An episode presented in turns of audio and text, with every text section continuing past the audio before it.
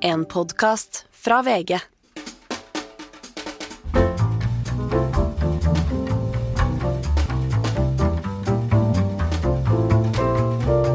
Hei, nå drar vi i gang en ny runde med Skartveit-podden. Sammen med kloke mennesker utforsker jeg de store spørsmålene og trusselen vi står overfor, særlig nå denne krigsvinteren.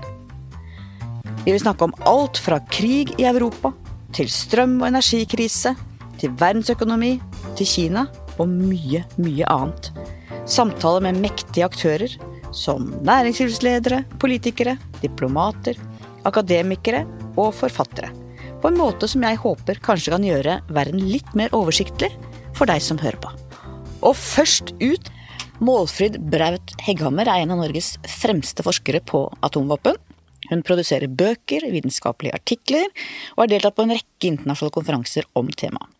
Og i dag er hun professor ved Universitetet i Oslo, og leder forskningsprosjektet Oslo Nuclear Project. Velkommen hit.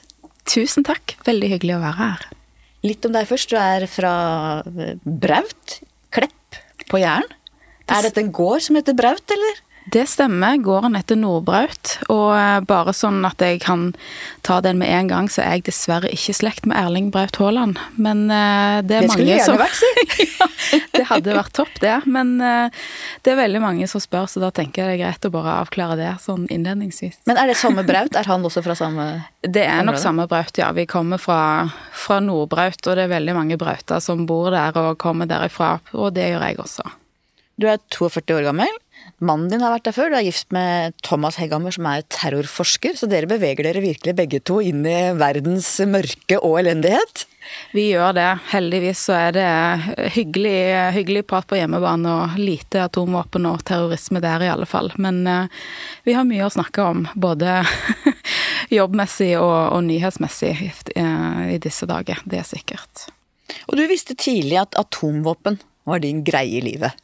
Jeg gjorde det, og jeg må si at jeg har tenkt på det mer og mer nå i det siste. Hvorfor i all verden begynte jeg med dette, egentlig?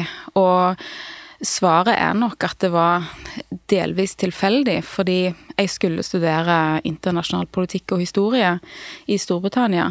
Og den første uka så så jeg at det var et emne om atomvåpenstrategi. Så tenkte jeg hva i all verden er dette? Dette så interessant og rart ut. Og så tok jeg det, og så bestemte jeg meg for at det var dette jeg ville studere. Og så har jeg fortsatt å studere det helt siden. Og hadde vel kanskje håpt at det skulle være mer en sånn obskur militærhistorisk greie enn såpass dagsaktuelt som det dessverre har blitt. Eh, Så det har også overraska meg, må jeg si. Og er det sikkerhetspolitikken, det store geopolitiske bildet som fascinerer deg mest, eller er det selve atomvåpnene i seg selv? Det er nok mye mer eh, det politiske, og kanskje enda mer eh, autoritære ledere og regime. Jeg har jo skrevet en bok som handler om Irak og Libyas atomvåpenprogram, der eh, veldig mye gikk galt, eh, og, og der det også handler mye om hvordan sånne stater, sånne ledere, tar, eh, tar beslutninger på, la oss si, ufullstendig grunnlag ofte. Og det er også noe som man ser komme opp igjen i, i situasjonen med Russland og Ukraina nå. Men jeg tenkte jeg vi skulle snakke mer om etterpå, men først så tenkte jeg vi skulle gå litt tilbake til, eh, til der hvor det virkelig skjedde, Hiroshima. Både du og jeg har vært i Hiroshima. Du Mm. eh, har fortalt litt om det før. Ja, ehm, det har vært eh, Det var veldig sterkt å komme dit. Eh, Vi dro dit hele familien, og datteren min eh, Haldis var åtte år når vi var der. Og så fikk vi treffe en eh, Hibakusha, en overlevende som var åtte år når atombomben traff hjembyen hennes. Så de to satt eh, sammen over dette bordet og, og snakka om, om den dagen, og fikk en helt egen forbindelse. og det var veldig sterkt for, for resten av familien også. Så det var det var, et, det var en opplevelse som eh, gjorde det veldig klart at atomvåpen, det handler ikke om abstrakte kalkyler. Det, det handler om krig, og det handler om mennesker. Eh, Og det tror jeg er viktig å, å huske når vi, når vi snakker om disse våpnene, selv om det er lenge siden Hiroshima og Nagasaki. Det å gå rundt i museet der og gå, og gå på stedet med denne store kuppelen som er liksom det eneste som står Det er, en veldig sterk opplevelse. Det er det. Og eh, det, det, er ikke alle som har mulighet eller anledning å, å, dra dit. Men for de som har det, så tror jeg at vi alle tar med oss eh, opplevelser av eh, at det, dette var en liten by. Eh, dette var en by som ligner på veldig mange andre byer i verden. Mange norske byer også. Og det gjør det hele virkelig. Og det, det er nok det vi må, må, ta med oss inn i en diskusjon om, om atomvåpen, tenker jeg. Og hvem er det som har flest atomvåpen i dag, og hvor avanserte er de? USA og Russland har fremdeles flest atomvåpen og skiller seg ut blant alle verdens atomvåpenstater når det gjelder hvor mange de har. Og hvis man ser på antallet, og det kan man søke opp oversikter på, på internett, så ser man at de har omtrent like mange. Og det henger sammen med at de har gjennom flere tiår hatt avtaler som regulerer hvor mange atomvåpen eh, klare til bruk de, de, kan ha. Så de har et ganske sånn symmetrisk antall, og hvis du sammenligner det med f.eks. Kina, som jo har hatt atomvåpen veldig lenge også, så ser du at Kina har hatt langt færre atomvåpen. Og det forteller oss jo noe om at ulike stater har hatt ulike formål da, til atomvåpnene. Eh, og, og, det er noe av grunnen til at det er viktig å, å studere atomvåpenstrategi for ulike stater. Det er nok dessverre sånn at man fremdeles er mest opptatt av det som USA og Russland har gjort og har eh, foretatt seg når det gjelder atomvåpenstrategi, og at vi nok trenger å vite mye, mye mer om land som, som Nord-Korea f.eks., og, og ikke minst Kina eh, i årene som kommer. for vi er på vei inn i det som mange kaller en tredje atomvåpenalder, der USA og Russland ikke blir så dominerende, men land som f.eks. Nord-Korea vil nok ha en mye større rolle da, i, i å forme eh, atomvåpenstrategi og, eh, og, de utfordringene som følger med det. Og brått er jo nå eh, atomvåpen noe vi må tenke på igjen. Vi diskuterte i heisen opp hit at du trodde egentlig at det, det var forbi, og nå er vi der veldig mye sterkere. Eh, hvor bekymret er du for at Putin skal finne på noe med de arsenalene Russland sitter på? Jeg er veldig bekymra for det. Eh, på veien hit på bussen så satt jeg og tenkte kan jeg tallfeste hvor bekymra jeg er, fordi det er ganske Det er ikke så lett å skjønne hva jeg mener hvis jeg bare sier at ja, jeg er bekymra. Og jeg tror jeg nærmer meg en uh, syver fra én til ti. Og jeg tror fremdeles Det er mye. Ja, men jeg har nok en hang til bekymring, da, så det kanskje vi må legge til grunn også. Men, uh, men jeg tror fremdeles det er lite sannsynlig at han kommer til å bruke atomvåpen, fordi at de problemene han har, er fremdeles sånn at atomvåpen er ikke en god løsning, og atomvåpenbruk vil føre til flere problemer, og det tror jeg at Putin er svært klar over. Når det er sagt, så tror jeg at eh, man må være man må ha fokus på hvor eh, dramatisk situasjonen på bakken i Ukraina er nå, sett fra, sett fra Moskvas perspektiv, og den retorikken eh, som, eh, som, de nå kommer med om anklag om skitne bomber, at Ukraina kan ta i bruk den typen våpen, det, det, skaper jo bekymring for om de forsøker å lage en slags foranledning for å bruke muligens kjemiske våpen, muligens et et eh, atomvåpen. Så det er absolutt eh, grunn til å være bekymra, samtidig som jeg tenker at man må ikke la, seg lamme av den frykten heller, for da faller man litt for det som Putin eh, ønsker å oppnå. Ja, da virker truslene hans, ikke sant? Til å skremme oss og til å Ja det, det, er det som, som, er den sentrale utfordringen, som jeg tror eh, alle europeiske land er veldig klar over og bevisst på. Og ikke minst eh, stemmer fra Ukraina også eh, peker på at man må ikke la seg skremme av disse truslene. Samtidig så tenker jeg at det er nok de neste ukene der jeg kommer til å være svært bekymra for dette, fordi at selv om man kan si at det rasjonelt sett vil være uklokt av Putin å bruke eh, atomvåpen, så er atomvåpen også psykologiske våpen. Så det er noe med å ikke falle for fristelsen og tenke kun rasjonelt og kalkulerende her, men se at det har også en psykologisk effekt som, som kan ha verdi for, for Putin i den situasjonen som han er i nå. Og vi vet jo at det er et sikringsapparat. Det er ikke bare Putin alene, det er vel to andre, forsvarssjefen og en til vel, som må også gi go for at man faktisk kan fyre av en rakett. Jeg tror nok at dersom Putin ønsker at man skal bruke atomvåpen, så kommer det til å skje. Ja, han har jo bare ja-stemmer rundt seg, sånn at uh, Men han kan ikke gjøre det i nattens mulm og mørke og bare trykke på en knapp. Det er prosesser rundt det også i Russland det er ikke en knapp. Jeg tror det er iallfall en, en ting som, eh, som vi har, eh, har fått, eh, fått, sett ganske tydelig både når det gjelder Trump og Putin. Denne knappen finnes ikke, og det er et system rundt. Men både når det gjelder Trump og Putin, så tror jeg nok at man må, må innse det at det finnes ikke kontrollmekanismer rundt som kan stoppe en, en president som ønsker å bruke atomvåpen. Er det noen situasjoner der det er rasjonelt for en stat å fyre av en atombombe?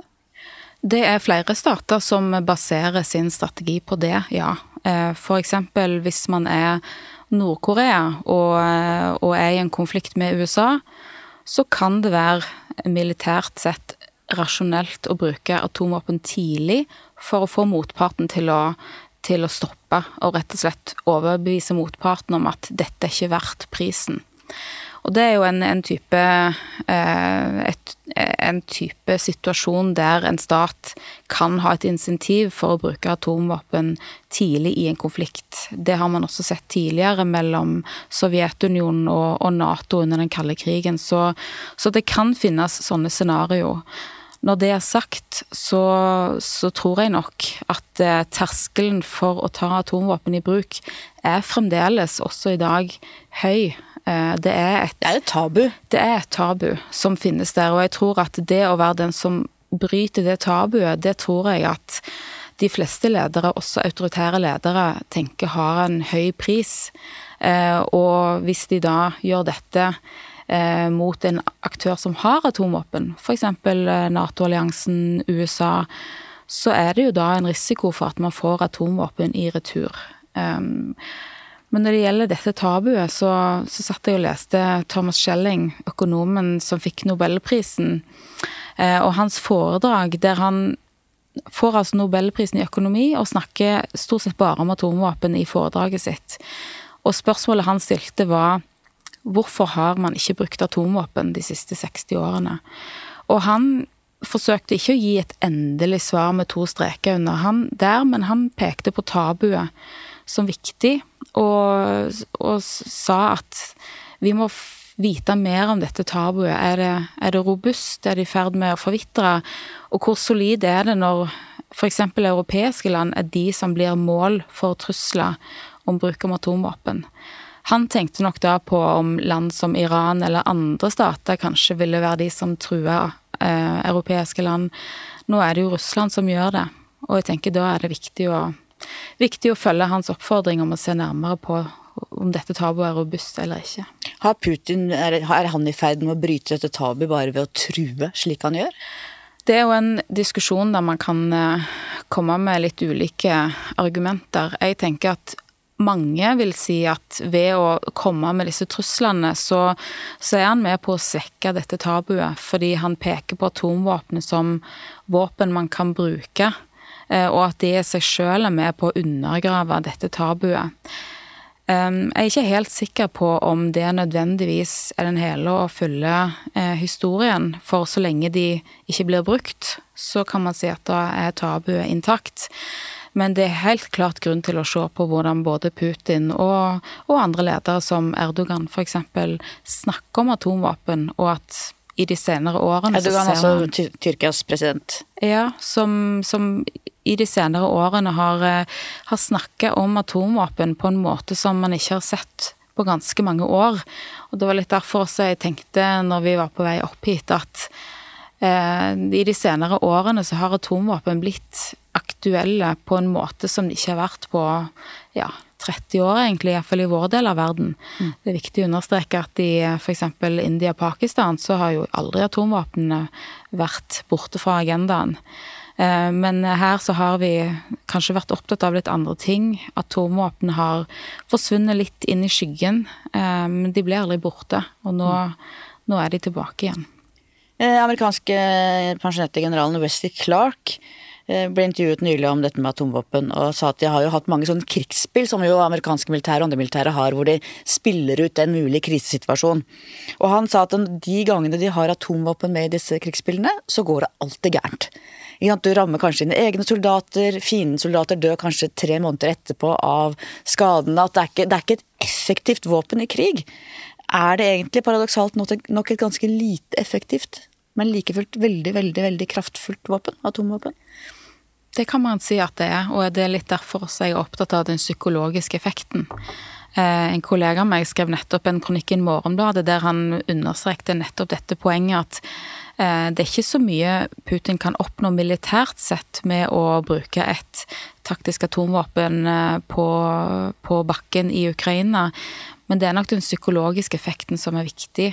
Og når det gjelder sånne krigsspill, så var jeg bare for et par uker siden i USA nettopp for å være med i et sånt krigsspill, der, eh, der, man så på hvordan verden vil bli dersom Nato må møte både eh, Russland og Kina i en konflikt eller en krigssituasjon. det hørtes veldig dystert ut. Hvordan gikk ja. det? Hva ble resultatet i det krigsspillet? Du, Det som er interessant med det krigsspillet, er nettopp det som du var inne på. At i selve scenarioet så har man jo en sånn sekvens der eh, situasjonen blir verre og verre, der man skal ta stilling til hva skjer dersom motparten bruker atomvåpen. Så det ligger jo i det føring om at eh, dersom ting virkelig går, går dårlig, hva, hva slags valg, eh, hva slags konsekvenser vil det medføre for Nato? Men det som jeg la merke til, var at nesten alle i det rommet, og det var jo folk som er opptatt av strategi og, og er vant til å tenke de baner, de protesterte veldig når man nærmer seg terskelen for atomvåpen. Jeg tror at de fleste som jeg i alle fall har vært borti på dette feltet, har en, har en veldig høy terskel, og man syns det er ubehagelig å snakke om det. Og, og det som også er ubehagelig, er jo at kanskje tidligere så var krigsspillene sånn at man kanskje slutta når en part brukte atomvåpen. Men nå så må man begynne å tenke mer på at hva skjer etter det i en konflikt. Og der tenker jeg at det som vi nå begynner med å ta stilling til i Ukraina, er også en påminnelse om at uh, man må tenke tanken helt ut, dessverre. Det er mørkt. Ja, det er mørkt. Det er jo, eh, sier du, sa du til meg i stad, det er jo på mange måter farligere nå enn under den kalde krigen. Jeg vokste opp under kalde krigen, demonstrerte mot atomvåpen, og vi var jo redd for atomkrig den gangen òg. Men nå sier du at også de forskerne som skrev den gangen, mener at det er farligere nå. Iallfall noen av de. Ja. Så er det sikkert eh, noen som er både enige og uenige i det. Men jeg tror at det som for meg, for meg da, gjør situasjonen nå spesielt farlig, er at den manglende kontakten mellom USA og Russland for det eh, var det jo hele tiden under den kalde krigen, selv når det var på det verste, så var det en kontakt. Det var en kontakt, og tilliten var lav eller omtrent eh, ikke til stede i det hele tatt. Men man så at man hadde en felles interesse i å ha kontakt og ha noen begrensninger som, eh, som ofte sammenfalt med det man hadde tenkt å prioritere av, eh, av våpensystemer uansett. Like fullt, de begrensningene var nyttige. De hadde en viss stabiliserende effekt. Det var og, faktisk en terrorbalanse. På sett og vis så, så, så var det det. Um, og selvfølgelig var det flere anledninger der uh, det var misforståelser, uhell og situasjoner som kunne ha, kunne ha, blitt veldig farlige. Det er jo annet uh, missilkrisen på Cuba. Ja, den dette jeg skal komme tilbake til, for den er kjempeinteressant. Ja, og det, da skal ikke jeg gå så langt inn i den nå. Men, men like fullt så var det kontakt mellom, uh, mellom de to partene som gjorde at man hadde en viss forståelse av hverandres eh, perspektiv, da. Ikke, ikke, fullstendig og ikke fullkommen, men, men, det var i alle fall en slags kontakt der som ble nyttig når man så at ting begynte å, å gå i en farlig retning. Um, og det mangler man nå, og man mangler jo snart også disse avtalene som legger begrensninger på antallet atomvåpen. Vi har jo én igjen, og den eh, kommer nok til å gå ut uh, gå ut på dato i 2026. Og sånn som innenrikspolitisk situasjon situasjonen er i USA nå, så er det og ikke minst situasjonen mellom USA og Russland nå, så, så tror jeg det virker lite sannsynlig at man får en etterfølger. Man kanskje får andre typer tiltak, men det vil ikke ligne på disse store, langvarige, bindende avtalene man har hatt under den kalde krigen. Det vil, det vil bli noe annet. Og nettopp, Du nevnte Cuba-krisen. Eh, det er kanskje det nærmeste vi har vært en atomkrig. Og da var det presidenten John F. Kennedy som jo hørte på duene, ikke haukene, og hørte på seg sjøl. Mm. I ettertid, hva tenker du rundt den krisa? Jeg tenker at, eh, at det man eh, Det man iallfall kan lære av den, var at eh, det var viktig å få på plass kontakt i etterkant, og få på plass bindende avtale om å redusere antallet atomvåpen. Var det da grunnlaget ble lagt for det? Var det på en måte det som var vippepunktet for at man faktisk satte i gang et slags nedrustningsarbeid, eller avtalelaging? Det, det var iallfall i årene etterpå at disse store avtalene kom på plass. Eh, det var det. Så, så vi hadde mange flere atomvåpen da enn det vi har, eh, det vi har nå. Hvis vi da går til si, begynnelsen på det som ledet fram til slutten av terrorbalansen og den kalde krigen, med atomvåpen mellom de to maktene, altså Mikhail Gorbatsjov, sjefen for Sovjetunionen, og Ronald Reagan, USA-presidenten den gangen, som eh, da 1980-tallet, hvor da Reagan sto foran Berlinmuren og sa 'tear down this wall'. Gorbatsjov, 'tear down this wall'. Hvor viktig var den kontakten? Det, altså, individ er viktig, og det at akkurat disse to lederne hadde den posisjonen de hadde da, var også viktig. Eh, når det er sagt, så, så tror jeg også at eh, maktforholdet mellom de to statene helt klart spilte en rolle. Eh, sånn at man må, må se dette i, i, sammenheng. Og også at europeiske ledere kanskje ble litt bekymra over eh, hvor fort det gikk når de to først eh, satte seg ned og, og begynte å snakke om, om atomvåpnenes rolle. Så, så, jeg tror at Gorbatsjov var var særdeles viktig, men det, det, var Reagan også. Og at den, han var jo en hauk. Han var jo en ordentlig høyresidehauk, Ronald Reagan. Det er nok de presidentene på høyresiden i USA som egentlig har fått det mest når det gjelder, når det gjelder nedrustning og, og kontroll med disse våpnene. De demokratiske presidentene har slitt med å få gjennomslag innenrikspolitisk for den typen tiltak. Så sånn sett så er det nok republikanerne som har, har mer å vise til. Skapt bedre fred i verden. Only Nixon can go to China. Ja, ikke sant. Ikke sant? Så, ja. Ja. Eh, men da Sovjetunionen falt, så var det jo massevis av Eh, atomvåpen av arsenaler rundt i hele tidligere Sovjetunionen. Hva skulle man gjøre med det? Og da var det to senatorer i USA, Sam Nunn og Richard Lugar, fra hvert sitt parti. Det var den gang man klarte å forenes republikanere og demokrater på tvers, og laget dette initiativet hvor Nunn Lugar-initiativet, som det het, hvor de rett og slett hjalp Sovjetunionen med å trygge og sikre sitt atomavfall. Jeg intervjuet Lugar faktisk i Washington i jeg tror det var 2007. Nydelig gammel mann. Det gjorde jo at bl.a. Ukraina eh, mistet eller ble kvitt eller sa fra seg sine atomvåpen, eh, og de ble liksom renska ut. Hadde situasjonen vært annerledes dersom Ukraina hadde beholdt de atomvåpnene, tror du?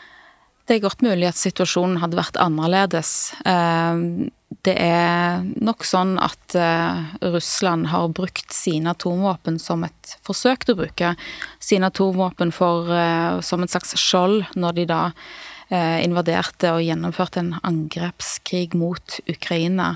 Hadde Ukraina hatt egne atomvåpen, så ville nok det ha fortona seg annerledes.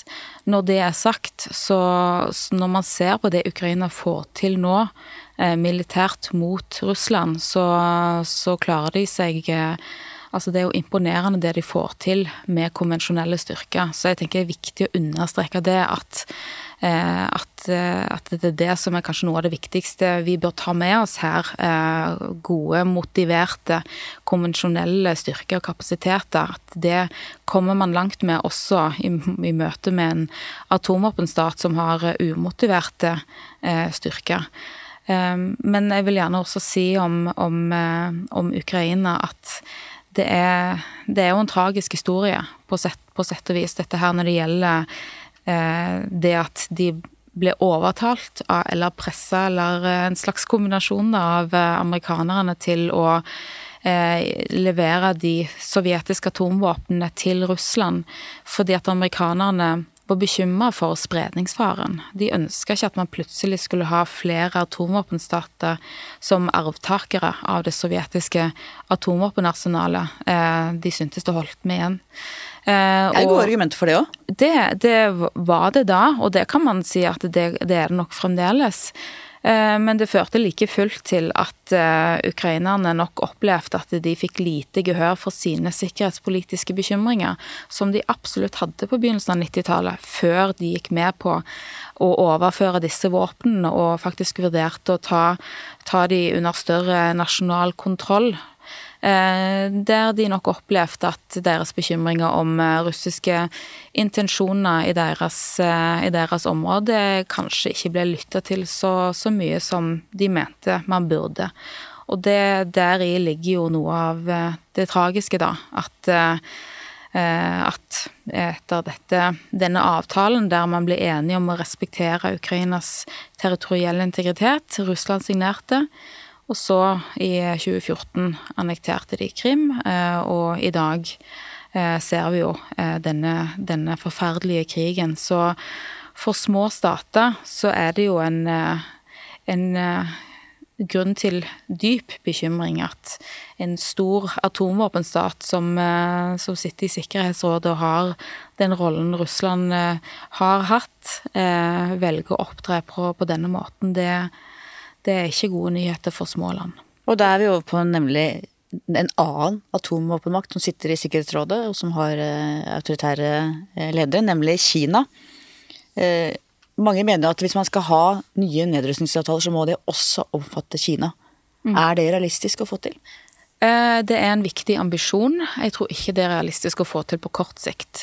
Og det handler om at Kina er nå i starten på en lang oppoverbakke Eh, som jeg nevnte innledningsvis, så har de ganske få atomvåpen. Eh, og det har de vært fornøyd med ganske lenge. Nå ser man at de er i ferd med å utvikle flere atomvåpen og, eh, og våpensystem som, som, er mye mer avanserte. Og de har også disse siloene i ørkenen som en masterstudent i USA oppdaga Eh, som, som, tyder på at de ønsker å gjemme de atomvåpnene de har, og gjøre det vanskeligere for andre land å, å angripe de. Og Man vet jo ikke om det tom, om alle de er, om det er atomvåpen i alle, eller om noen er tomme, om de på en måte skal bare lure oss, eller Nettopp. hva som er hvor. Nettopp. Man vet ikke hvor mange av de har de tenkt å fylle, og hvor mange har de tenkt å bare ha som en sånn eh, hjemmelek, rett og slett. Eh, så, så de er i starten på en lang oppoverbakke, er det mange som, som, tror nå. Og hvis du ser på historien mellom eh, USA og Sovjetunionen, så kom jo disse avtalene på plass på et tidspunkt der eh, man hadde kommet ganske langt i å utvikle de systemene man mente man trengte for, eh, for å gjennomføre og, og overleve etter et førsteangrep. Og det er litt derfor også når vi snakker om Cuba-krisen og disse avtalene, at, at, jeg sa at det var en viktig faktor, men du har også disse andre faktorene. Og det som vi kan trekke ut av det, er nok at Kina er ikke interessert i bindende avtaler nå. Eh, jeg tror at det kan endre seg på sikt, men det vil ikke endre seg på kort sikt. Og det tror jeg vi bare må, må innse. Og da er vi jo på et av de, det som mange beskriver som et av verdens farligste potensielle konflikter, nemlig Kina og Taiwan. Hvor farlig vurderer du den situasjonen at Kina jo på et tidspunkt ønsker å ta Taiwan og gjøre det til en del av Kina? Det er nok et scenario som eh, man er enda mer bekymra for nå, eh, nå som vi har sett eh, det Russland har gjort mot Ukraina.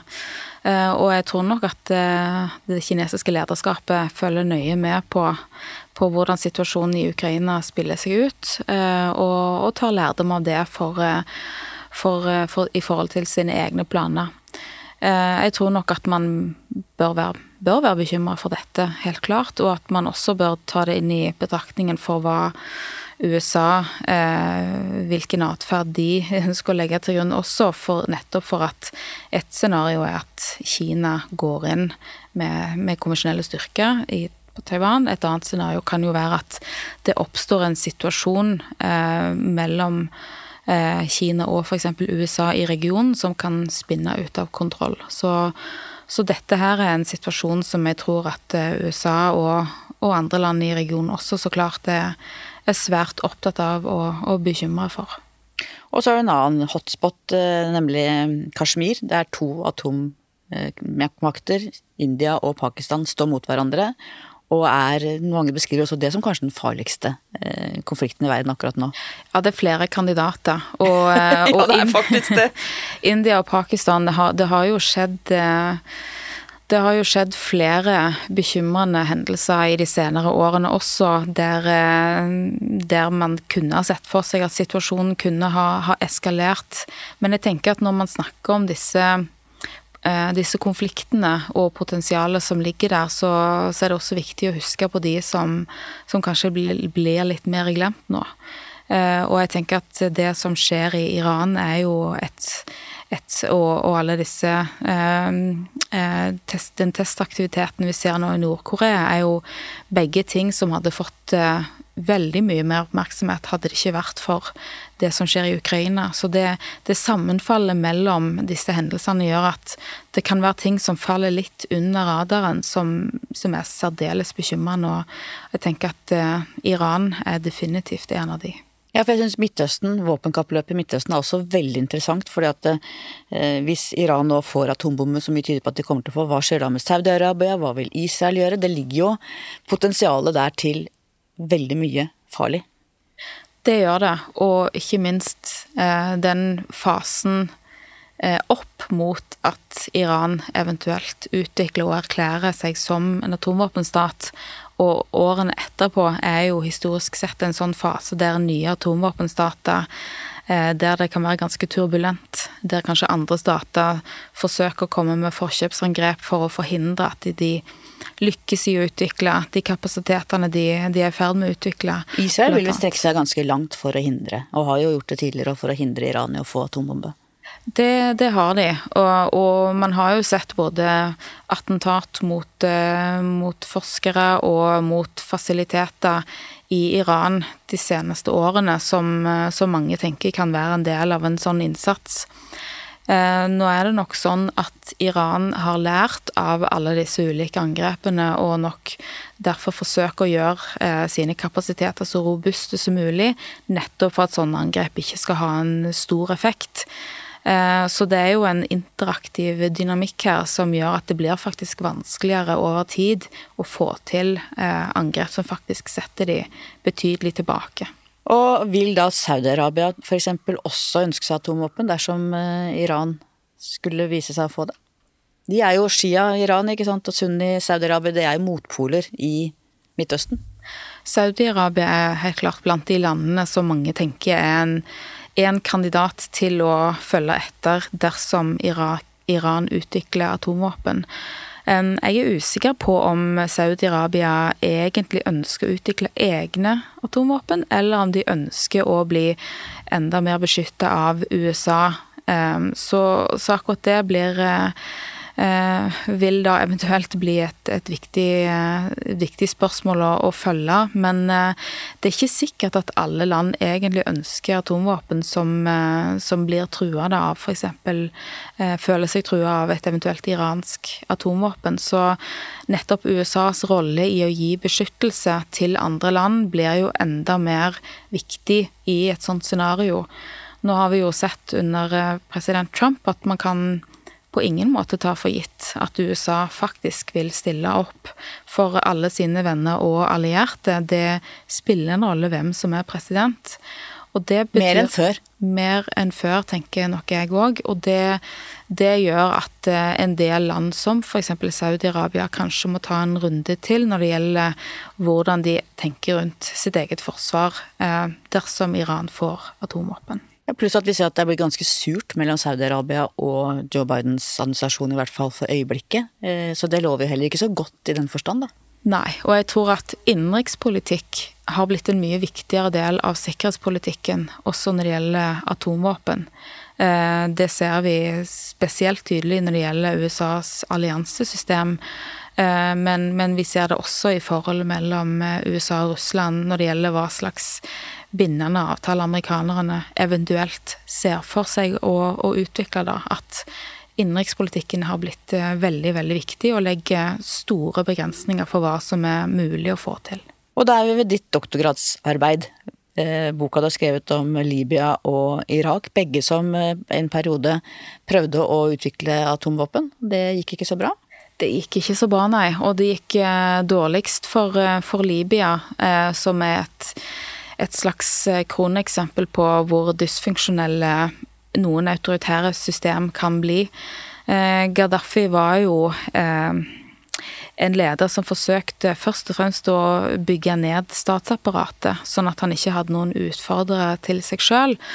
Og dersom man skal utvikle atomvåpen, da må du ha et velfungerende statsapparat. Rett og slett fordi det er et så komplisert prosjekt som tar mye tid og krever mye organisering og kvalitetskontroll. Eh, og det hadde ikke Libya. Eh, og så mangla de folk som hadde lyst til å jobbe i det programmet også, fordi de flinkeste tekniske folka ville jobbe i oljeindustrien og ikke med atomvåpen. Det var der pengene var? Det var der pengene var, og det var nok der eh, muligheten for å, for å, utvikle Libya lå, tror jeg, overfor for mange av de eh, ingeniørene som, eh, som, jo var utdannet i Vesten og i USA. og og som spilte en veldig viktig rolle faktisk i motstandskampen mot Gaddafi også. Men Irak ble da tvunget eh, til å gi fra seg det de hadde fått til eh, etter den mislykkede invasjonen av Kuwait, mens Libya jo ga det opp frivillig, var i 2003, for å unngå sanksjoner. Og det som jo skjedde da, var at eh, Gaddafi ble jo kasta. Er det sånn at atomvåpen kan være en slags forsikring for autoritære ledere mot å bli angrepet? Hadde man angrepet Libya hvis han hadde hatt atomvåpen den gangen? Jeg tror dessverre at den, den lærdommen en del land vil trekke ut ifra det som skjedde i Libya, det som skjedde med Irak, der man hadde et atomvåpenprogram som, eh, som Irak eh, avvikla under, eh, under FN-oppsyn, og, og Iran-avtalen der Iran gikk med på å, å, legge betydelige begrensninger på, egen, på sitt eget atomprogram. Eh, så tror jeg at mange vil tenke at det er en stor risiko å ta. Fordi du vet aldri hva de store landene finner på dersom eh, de eh, enten ønsker å ikke være en del av avtalen lenger, sånn som Trump gjorde i tilfelle Iran, eller at situasjonen endrer seg, sånn som den gjorde i Libya i 2011, og, og Nato-land og USA bestemte seg for, for å støtte opprørerne militært. Tror du Gaddafi angra da, på at han hadde gitt fra seg atomvåpenet? Eh, ja, det tror jeg. Og jeg husker jo når jeg var i Libya i 2005 og 2006 og gjorde feltarbeid eh, og intervjua sønnen til Gaddafi, eh, Saif al-Islam, som faktisk den dag i dag forsøker å ha et slags comeback i libysk politikk. Eh, så, så, sa han til meg at det vanskeligste med å komme fram til den avtalen i 2003, var at faren hans var bekymra for at USA og Nato ville støtte et opprør mot han. Eh, og det har jeg tenkt på ganske mange ganger siden. Eh, at eh, det, det nok var noe som flere i Libya angra på, selv om de hadde en veldig lang vei å gå for å faktisk få til å utvikle egne atomvåpen. Så tror jeg iallfall at de, og kanskje noen andre også, tenker at det kanskje ikke var så klokt når det kom til stykket. Og hvis vi da ser på hele terrorfaren med, i forbindelse med atomvåpen, rett og slett, er, ser du at det er en fare for at noen kan bruke en skitten bombe eller bruke atomvåpen på et vis i terrorvirksomhet?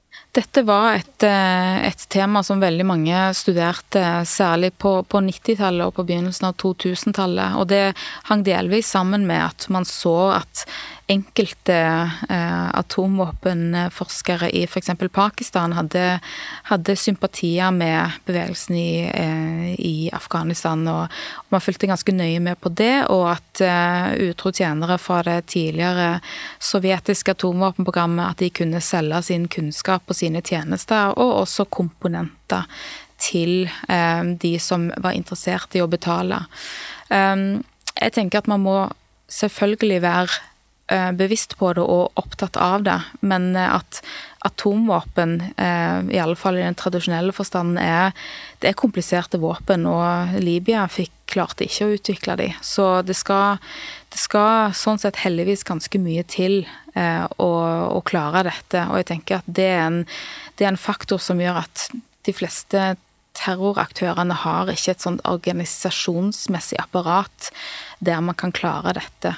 Skitne bomber er en, en annen type utfordring, og det det er absolutt noe som jeg tror at eh, myndighetene i forskjellige land er opptatt av. Sikkerheten til, eh, til atom, altså forskningsreaktorer og den slags. At man eh, har vært og fremdeles er opptatt av dette, og det er nok klokt. Jeg er veldig spent på hva du mener om et internasjonalt forbud mot atomvåpen. jeg har jo ment litt om dette opp igjennom uh, før, og jeg tenker jo at uh, en verden uten atomvåpen er en bedre verden enn verden med atomvåpen. Det vanskelige spørsmålet er hvordan kommer man dit? Mm. Og der finnes det ulike tilnærminger. Og Eh, jeg tenker at eh, et atomvåpenforbud slik vi ser eh, det som nå har trådt i kraft, at det har en viktig rolle i å, å forsøke å stigmatisere våpnene. Og det er verdifullt, sånn som verden ser ut i dag. Helt åpenbart. Men jeg mener også, og har, og har ytra meg om dette før, at at sånn som det atomvåpenforbudet er skrudd sammen, så kan ikke Nato-land som Norge tiltre, fordi at det rett og slett eh, gjør det umulig å, å delta i, et, i, en forsvarsallianse der atomvåpen til syvende og sist er en del av vårt felles forsvar. Eh, og jeg tenker jo at sånn som, eh, sånn som Russland har eh, opptrådt, så ser vi jo at Russland er i alle fall opptatt av avskrekking. Russland er opptatt av atomvåpen. Og derfor så må vi som et Nato-land ta det til etterretning. Og jeg, jeg er iallfall glad for at vi er en del av, av, en allianse sånn som verden ser ut i dag. Så, så for min del så tenker jeg at eh, atomvåpenforbudet sånn som det ser ut nå, ikke er et eh, forbud som, som Norge kan tiltre. Men, Nei, jeg lo litt, så er det for at vi er jo egentlig veldig enige om dette. Vi diskuterte før vi kom inn. Er det, liksom, er det noe vi er uenige om her? Og det, særlig dette med atomvåpenforbudet har jeg også skrevet, tror jeg, mye mer tabloid enn det du har gjort. Eh, men det er jo så lenge atomvåpen fins der ute, og så lenge kunnskapen om hvordan man lager det fins, så er det naivt å tro at man kan bare forby det og så blir det borte. Da er det despotene og verstingregimene som sitter igjen med det. Da er vi i hvert fall i Russlands og Kinas og Irans og andre verstingregimers eh, eh, Lever på deres nåde. Det er ikke en verden jeg vil leve i. Atomvåpen kan, eh, de kan russes ned, men man kan ikke Altså, de finnes i verden. De har, teknologien er nokså kjent. Man har flere studier av at til og med eh, studenter i USA har forsøkt å skru sammen et slags atomvåpen. Riktignok var det med stor fare for liv og helse for deres del. Ja, det vil jeg tro. Men, men like fullt så, så er det ikke sånn, tenker jeg, at disse atomvåpnene kan at man kan eh, avoppfinne de. de. de. finnes i verden, og det er dessverre en, eh, en langsiktig utfordring også for Norge. Og jeg vil jo tro at i lys av det som skjer nå, og i lys av Putins trusler, eh, han rasler med atomvåpen, så tror jeg flere i Norge også ser at det å liksom leke med sånne romantiske drømmer er eh, ikke veien å gå akkurat nå. Jeg tror at den sikkerhetspolitiske situasjonen gjør at, eh, at vi er rett og slett nødt til å forholde oss til at vi er et lite land ved siden av en stor atomvåpenstat som eh, annekterer og, og invaderer eh, sine naboland. Eh, jeg tror ikke Norge er, står, står, i rekken av de, men jeg tror at vi må forholde oss til at det er det, det landet Russland har blitt nå. Og at vi er sårbare der vi ligger geografisk og alltid har vært det. Og sånn sett at Sverige og Finland trer inn i Nato er, er viktig og, og positivt, men det er jo også et viser jo også at i hele Norden at man er inne i en annen sikkerhetspolitisk virkelighet. Til og med i Sverige, der jeg tror at det har vært stått veldig langt inne å, å ta dette grepet. Men det er den verden vi lever i, og da, da må også vi forholde oss til den. Vi nærmer oss slutten. Hva tror du blir historien om den tiden vi lever i akkurat nå? Jeg tror at det blir historien om oppstarten på denne tredje atomalderen. Eh, det som Russland eh, foretar seg nå i Ukraina når det gjelder eh, å true med å ymte om atomvåpen, at man kan bruke det på mange forskjellige måter. Jeg tror at det er noe som vi er nødt til å forholde oss til også i andre land og i andre konflikter. Jeg tror at vi er på vei inn i en tid der Norge, Norden, Europa tar mye større ansvar for egen sikkerhet og eget forsvar. Eh, det ser vi jo, eh, har vi jo sett allerede. Eh, og jeg tror at vi er på vei inn i en tid der USA og, og kanskje også Nato-alliansen må forholde seg til både Russland og Kina som to ganske forskjellige utfordringer. Og at beskjeden til europeiske land er nettopp den at vi må ta større ansvar for, for, eget forsvar og sikkerhet. Eh, og det tror jeg eh, vi ser er i ferd med å skje. Og så er det viktig at det, at det fortsetter å skje, eh, også i årene fremover. Så spør jeg alltid gjestene mine tror du på Gud? Så spør du en vestlending fra Jæren om, eh, om hun tror på Gud. Ja, jeg er jo nesten sånn kulturelt forplikta til det, føler jeg. Eh, og har jo vokst opp i et hjem med foreldre som sitter i kirkerådet, eller eh, altså i lokale kirkerådet, nå håper jeg sa riktig, riktig navn på det. Jeg er ikke så flittig kirkegjenger som de. Men jeg liker mye av det kristne budskapet, og jeg synes det er verdier der som alle religioner har, som er viktig å ta med seg kanskje først og fremst eh, denne nestekjærligheten som, eh, som er fin. Man trenger ikke være religiøs for å, for å få med seg den, men eh, det er, det er en måte å komme i, komme i, kontakt med det budskapet på. Så kulturelt kristen, kan man si det? Det kan man. Litt sånn eh, lite flittig, men kulturelt kristen, kanskje. Ja, så fint. Tusen takk for at du kom. Tusen takk for at jeg fikk komme. Takk til deg som hørte på. Takk til vår faste produsent Magne Antonsen. Vi høres igjen neste uke.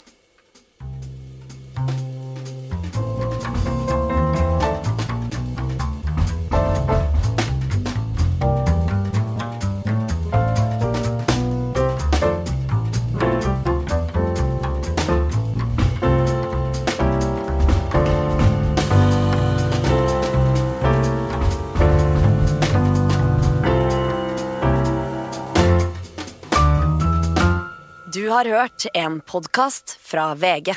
Ansvarlig redaktør, Gard Steiro.